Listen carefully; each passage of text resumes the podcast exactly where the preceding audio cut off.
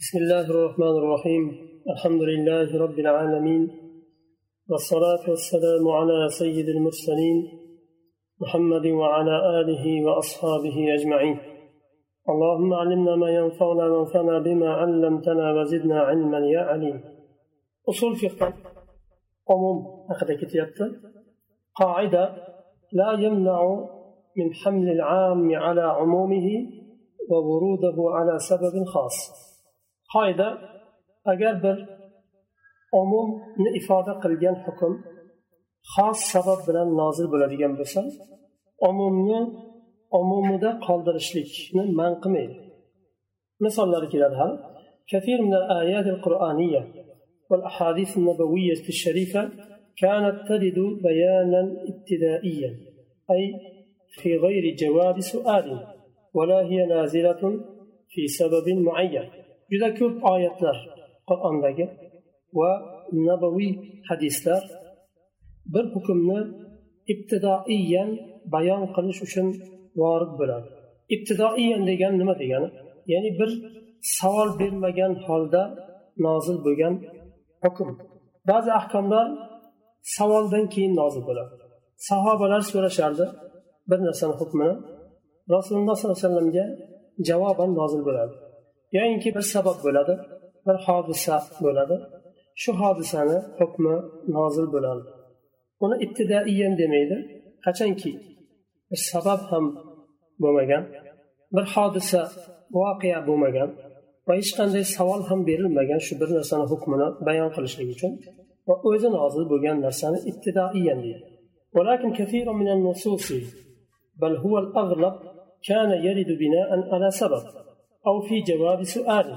جده هم كب نصلاح دليل بر سبب كبناء نازل بلد يعني كبر سوال جواب بلد نازل بلاد. فإن القرآن نزل منجما بحسب الحوادث. القرآن الكريم حادث الأرجيك ولا منجم مفرق حالدا نازل بلد. بل مرتد نازل بلاد كما يعلم من علم أسباب نزول القرآن.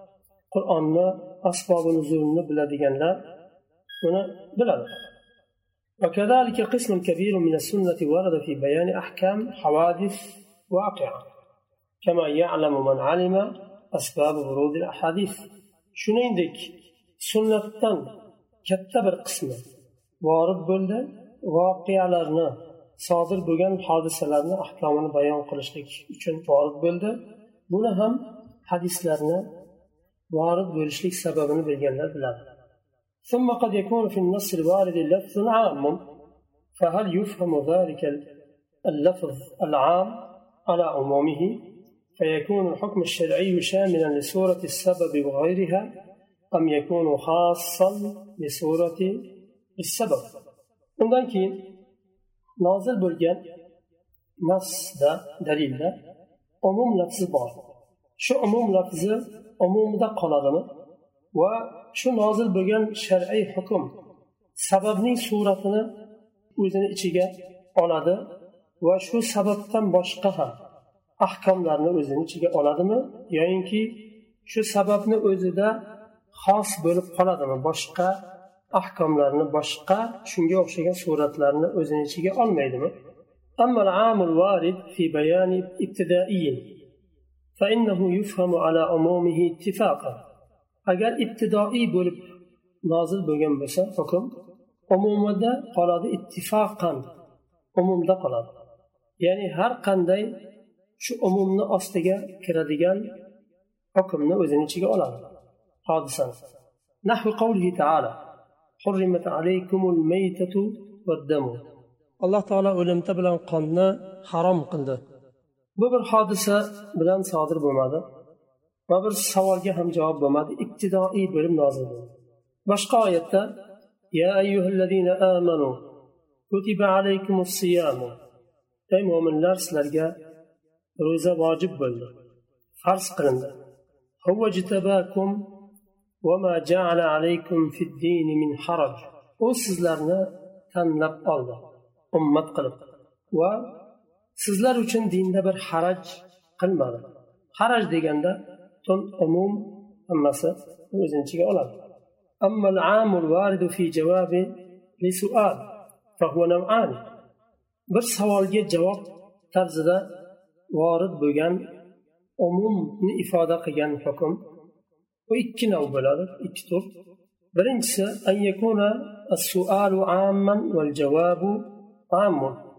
berilgan savol om bo'ladi javob ham umumni ifoda qiladi ولا إشكال هنا في بقاء العام على عمومه bu yerda umum umumida qolishligida hech qanday ishkal yo'q إذ إن هذا مقتضى اللفظ وليس له سبب ليختص به chunki bu lafzning taqozosi bu umumni ifoda qilishligi umum lafzi umumni ifoda qilishi bu lafzni taqozosi uni xoslaydigan bir sabab yo'q ومثاله أنهم سألوا النبي صلى الله عليه وسلم فقالوا يا رسول الله المرء يحب القوم ولما يلحق بهم فقال المرء مع من أحب bunga misol rasululloh sollallohu alayhi vasallamdan so'radilar yo rasululloh kishi bir qavmni yaxshi ko'radi lekin bu qavmga haligacha ergashmagan shunda rasululloh aytdilar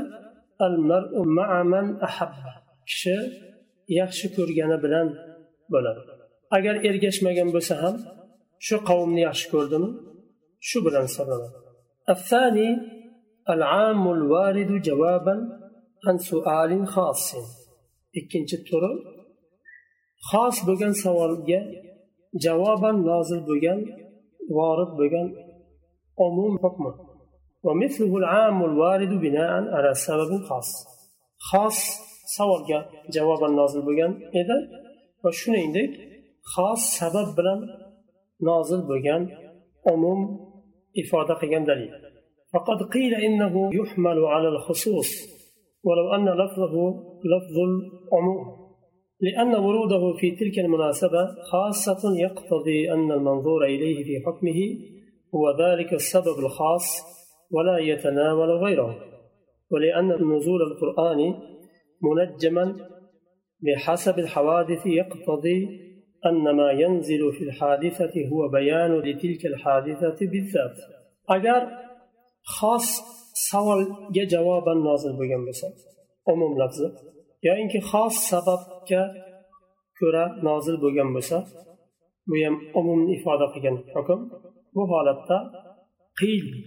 qavl borki bu umum lafzi xususga haml qilinadi. Ya'ni umum xususga haml qilinadi degani shu hukmdan shu savol bilan so'ralgan va shu savolga ko'ra nozil bo'lgan hukmdan boshqa hukmni ichiga olmaydi degani. Yoinki bir sabab bilan nozil bo'lgan bo'lsa shu sababdan boshqasini ichiga olmaydi shu sababga xos yoki shu savolga xos hukm deyiladi. Agarchi lafz umumni ifoda qilsa ham hukmning lafzi. Chunki bu hukmni nozil bo'lishligi shu munosabat bilan xos bo'lib nozil bo'lishligi taqozo qiladiki uni hukmi mana shu sabab bilan bog'liq shu sababga xos. Boshqasini o'zini ichiga olmaydi chunki qur'oni karim munajjam holda nozil bo'ldi hodisalarga ko'ra munajjam nozil bo'lishligi taqozo qiladi. Bir hodisada nozil bo'lgan hukm shu hodisanigina o'zini ichiga oladi. Bu qavl rozi bo'linadigan qavl emas agar umum lafzi bilan vorid bo'lgan bo'lsa hukm shu sababga xos bo'lishi mumkin emas بل الصواب عند الأصوليين أن العام في هذه الحالة يبقى على عمومه فيصدق حكمه على تلك الحادثة بالذات وعلى سائر الحوادث التي تدخل في العام. أصولي لرني نزدك توغر بغن فكر عموم umumligida qoladi shu holatda ham va boshqa hukmlarni ham o'zini ichiga oladi xos sabab bilan nozil bo'lgan umum lafzi shu xos sababni ham o'zini ichiga oladi va shu xos sababga o'xshagan boshqa hukmlarni ham o'zini ichiga oladi umumni ostiga kiradigan boshqa hodisalarni ham o'zini ichiga oladi حينئذ أن الشارع ما عدل عن الإتيان بلفظ خاص بالواقعة إلى الإتيان بلفظ عام إلا ليشمل الحكم سورة السبب نفسها ويشمل الصور الأخرى المساوية لها في الاسم. اعتقد قلنا ديان نفس بيردا شكي شارع يعني مشرجع شريعة ناظر قلوجة خاص لفظنا كترشتان بر واقع دا عموم لفظنا إفادة قلديان لفظ جي كشت. يعني أجل سبب خاص بيجان مثلا xos hukm nozil bo'lmadida umumni ifoda qiladigan hukm nozil bo'ldi nima uchun? Hukm shu sababni suratini o'zini ichiga olishi uchun va ismda musaviy bo'lgan teng bo'lgan boshqa suratlarni ham o'zini ichiga olishi uchun. Bo'lmasam shariat shu xos sababga xos hukmni ham nozil qilishi mumkin edi nima uchun xos hukmni nozil qilmadida umumni ifoda qiladigan hukmni nozil qildi shu suratni ham va u suratdan boshqa hodisalarni ham o'zini ichiga olishi uchun umumni ifoda qiladigan lafzni nozil qildi hatto yajibu an tuvafiqaha fil hukm deymiz فعدوله عن اللفظ الخاص إلى اللفظ العام دليل إرادة العموم bu yuqoridagi jumlani davomi ekan hatto yajibu أن توافقها في الحكم. شو خاص سببك بشقة واقع لهم حكم ده موافق برش لجوجل خاص لفظ ده. عمومي فادة قلدي لفظ يا كوشب اتش لجل دليل كي أممني إرادة قلشن دليل ويعبر الأصوليون عن هذه المسألة الأصولية بالقاعدة المشهورة العبرة بعموم اللفظ لا بخصوص السبب.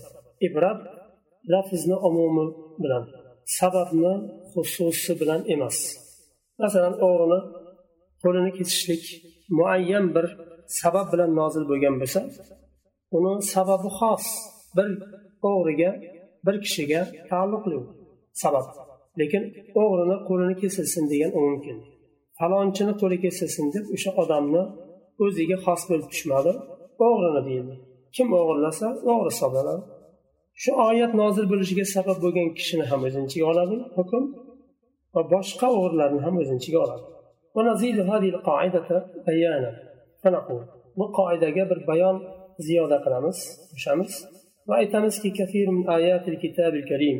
ومن الأحاديث النبوية وردت على أسباب خاصة ولكن ألفاظها أعم من سبب ورودها وتشمل سبب الورود وغيره ولا يصح أن يقال إنه خاص بالمسؤول عنه أو سبب الورود juda ham ko'p oyatlar qur'ondagi va hadislar xos sabablar bilan nozil bo'lgan lekin lafzlari sababdan ko'ra umumroq umumni ifoda qiladi nima uchun shu sababni ham va shu sababdan boshqa sabablarni ham o'zini ichiga olishi uchun shunday ekan shu so'ralingan narsaga xos bu hukm boshqa narsani o'zini ichiga olmaydi deyishlik to'g'ri bo'lmaydi yoyinki shu sababga xos boshqa hodisalarni o'zini ichiga olmaydi desa to'g'ri bo'lmaydi لأن عدول الشارع عن اللفظ الخاص إلى اللفظ العام لا بد له من فائدة chunki shariat xusus lafzidan umum lafziga o'tdi ya'ni hukm nozil qilganda xusus lafz bilan xos lafz bilan nozil qilmadi umum lafzi bilan nozil qildi. Buni foydasi bo'lishi kerak. Ya'ni bir foydasiz ya'ni umum lafzi bilan nozil qilmaydi.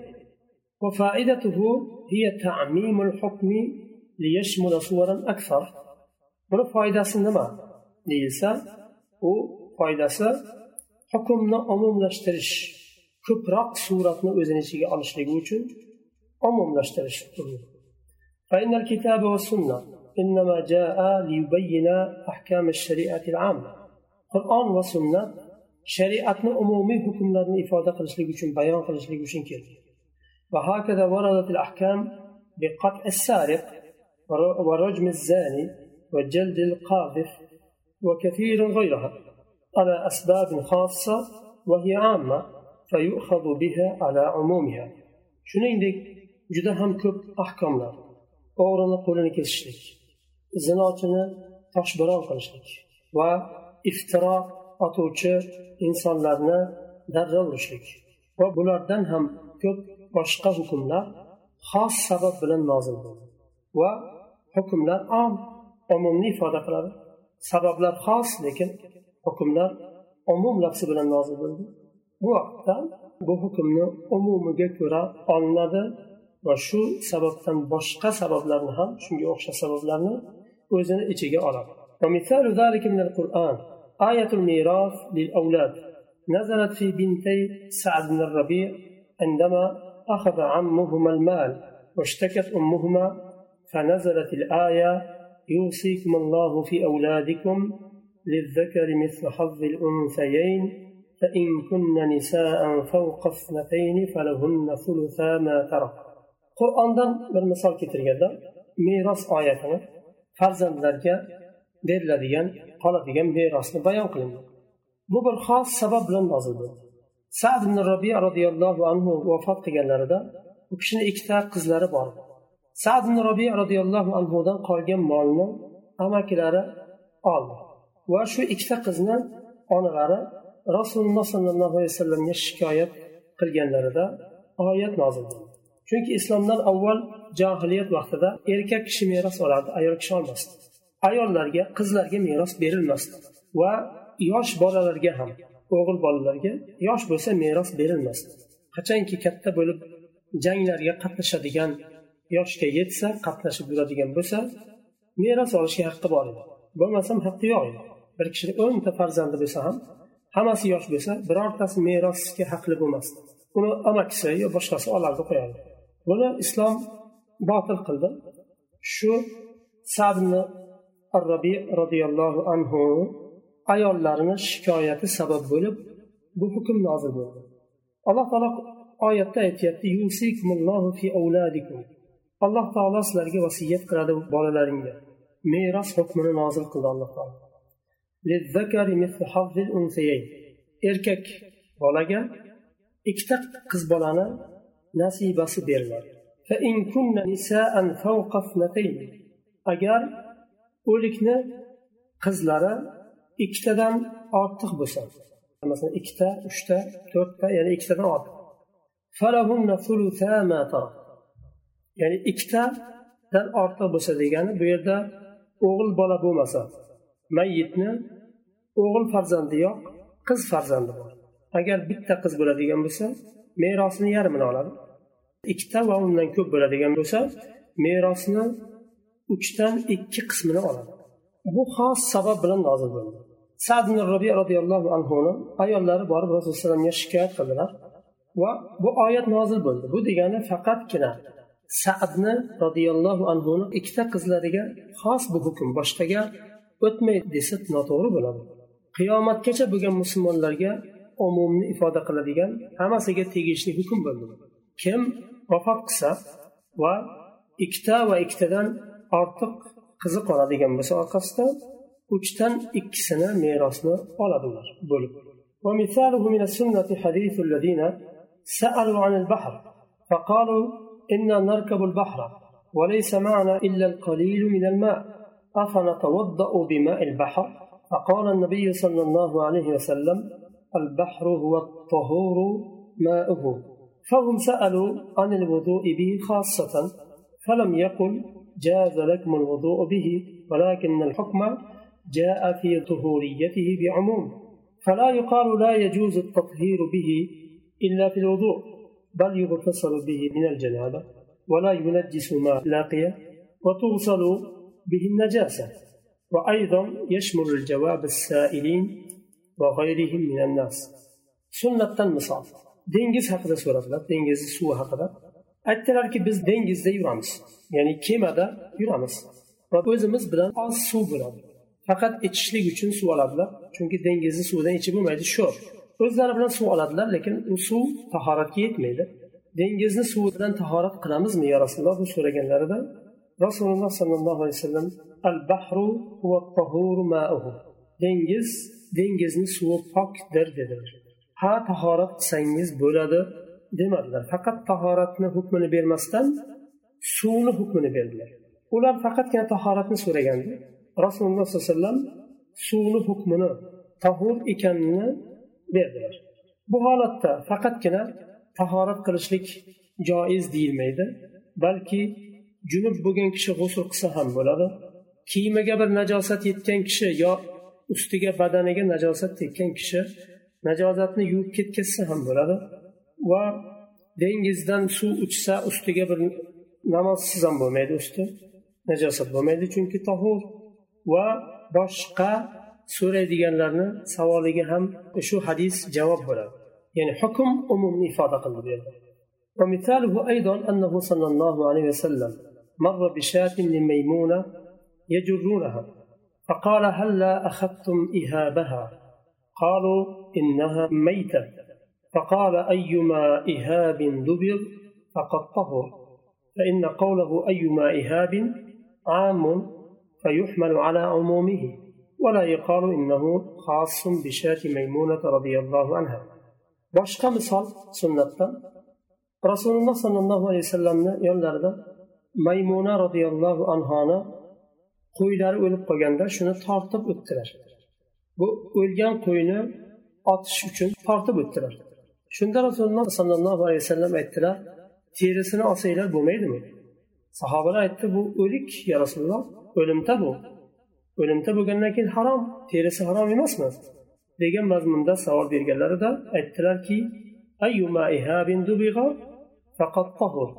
har qanday ihab deb terini aytinglar.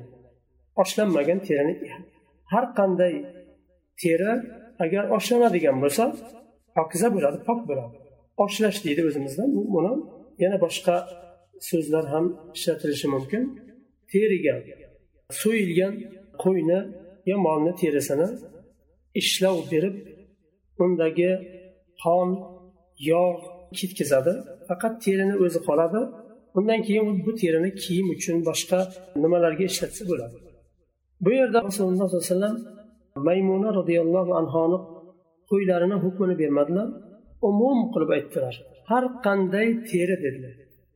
Agar ishlov berilib tozalanadigan bo'lsa pok bo'ladi dedilar.